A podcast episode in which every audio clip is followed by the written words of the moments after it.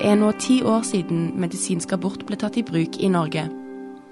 Velkommen til tidsskriftets podkast for nummer 7 2008.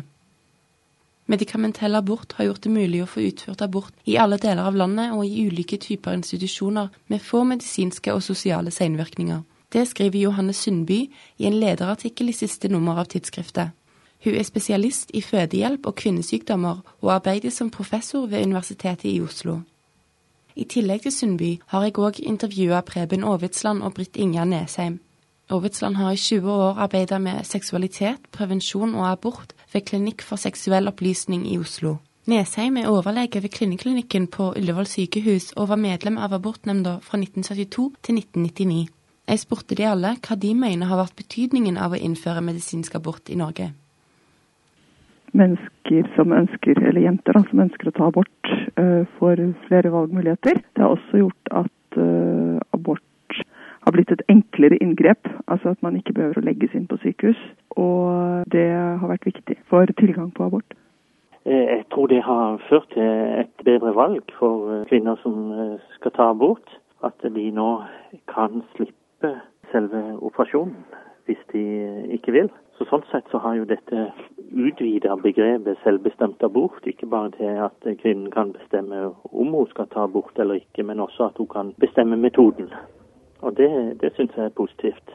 Det det har betydd i Norge, er jo da en øket valgfrihet for kvinnene. At de kan, kan, velge mellom medisinsk og kirurgisk abort ved de fleste sykehusene. Bortsett fra ved Haukeland sykehus, tror jeg, hvor det ikke er noe valg. Hvor det er medisinsk abort under, under uke ni. Men Sundby, gjør ikke det at abort er mer tilgjengelig, at flere velger å ta abort?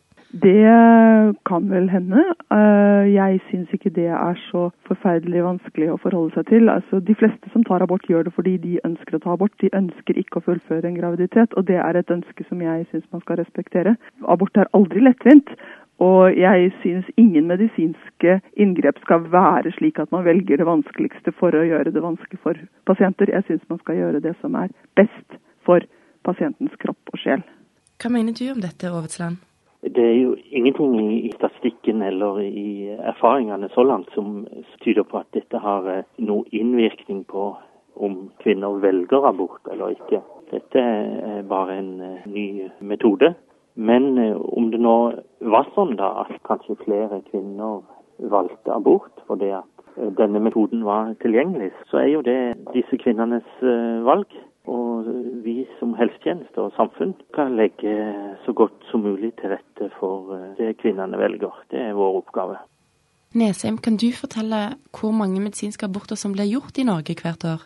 Det er jo um, nokså mange som nå uh, velger å få medisinsk abort. Der har vi tall fra Statistisk sentralbyrå, og de viser at i 2005, som tallene er fra, så ble nesten halvparten, 45,5% av abortene under uke 9 utført med medikamenter. Det er 5259 aborter. Hva er hovedforskjellene mellom kirurgisk og medisinsk abort, både for helsepersonell og for kvinnene? Ved en kirurgisk abort så får man narkose, og så utføres det et kirurgisk inngrep. Og da kan du jo si at inngrepet tar bare noen minutter, og det gjøres poliklinisk. Og etter at man har våknet av narkosen og det har gått et par timer, så drar man hjem igjen, og det hele, hele er over. Ved en medisinsk abort så er forløpet lenger. Man eh, møter opp på sykehuset, så får man den pillen som i utgangspunktet får morkaken til å løsne fra livmorslimhinnen, altså abortpillen da, som den kalles. Så skal det gå to døgn, og så skal man få en annen type medikamenter som får livmoren til å trekke seg sammen, sånn at man, eh, man aborterer. Og mange steder har de nå begynt med at det kan skje hjemme hvis kvinnen ønsker det. Så det hun da vil oppleve er eh, rilignende smerter og blødninger, omtrent som ved en spontanabort. De fleste vil trenge noe smertestillende fordi, fordi det gjør vondt. Så det du kan si om en medisinsk abort er at, at du altså slipper narkose, du slipper å få et kirurgisk inngrep. Du kan gjøre aborten mer, mer privat, kan du si, men altså, hele prosessen trekker lengre ut i tid. Og man har smerter mer enn det man har ved en kirurgisk abort. Og blødningene etterpå er noe mer langvarige ved en medisinsk enn ved en kirurgisk abort. Sundby, er medisinsk abort like trygt som kirurgisk abort? Det er like trygt på den måten at senvirkningene etter medisinsk abort og senvirkningene etter kirurgisk abort er veldig veldig få hvis aborten tas tidlig. Ved medisinsk abort så kan man ikke være 100% sikker på at eh, det har foregått en abort, slik at man må ha en viss form for etterkontroll. Den typen etterkontroll er mindre nødvendig når det gjelder kirurgisk abort. Gir det noen eh, betydning for eh, senere graviditet? Nei, det er ingen eh, sammenheng mellom det å ha gjennomgått verken en medisinsk eller en kirurgisk abort og evnen til å bli gravid senere, der hvor abort gjøres av medisinsk kyndig personell. Der hvor det gjøres illegal abort av ukyndig personell, så er det en helt annen situasjon. Og der hvor det gjøres veldig mange aborter, sånn som i Øst-Europa, så er det også en litt annen situasjon. Hva tenker dere om de moralske spørsmålene rundt abort? Jeg veldig sterk tilhenger av selvbestemt abort. Jeg tror ikke det er noen andre som eh, kan avgjøre dette spørsmålet enn eh, kvinner sjøl. Og eh, jeg syns at utviklinga med medisinsk abort er positiv. Og jeg håper at den utviklinga går videre, sånn at det å gjennomføre en abort blir enda enklere og enda mindre medikalisert. Altså etter hvert mer uavhengig av helsetjenesten enn det er i dag. De moralske spørsmålene vil alltid være der, og det vil være folk som er mot abort, og det vil være folk som er for abort, og det vil være folk som er ambivalente. Mitt ståsted er eh, folkehelse, og det beror seg på at abort vil alltid forekomme. Det forekommer i alle land, uansett hva slags lovgivning man har. Og at eh, vi som helsepersonell da skal utføre aborten på pasientens ønske så tidlig som mulig i svangerskapet, hvor risikoen er liten. De som er imot abort på religiøs eller annet grunnlag, de kan jo enten la være å ta abort eller la være å være med på å gjøre abort. Men jeg syns ikke man skal la sine egne moralske ståsteder virke inn i denne prosessen, fordi vi vet at det, hvis man ikke har tilgang på abort, så vil veldig mange unge jenter rett og slett dø av å ty til farlige og ikke-medisinsk kyndige aborter. Og det er en situasjon som jeg ikke vil være med på å skape. Nesheim, hva med muligheten til hjemmeabort? Hvilke psykiske konsekvenser kan det ha for kvinnene?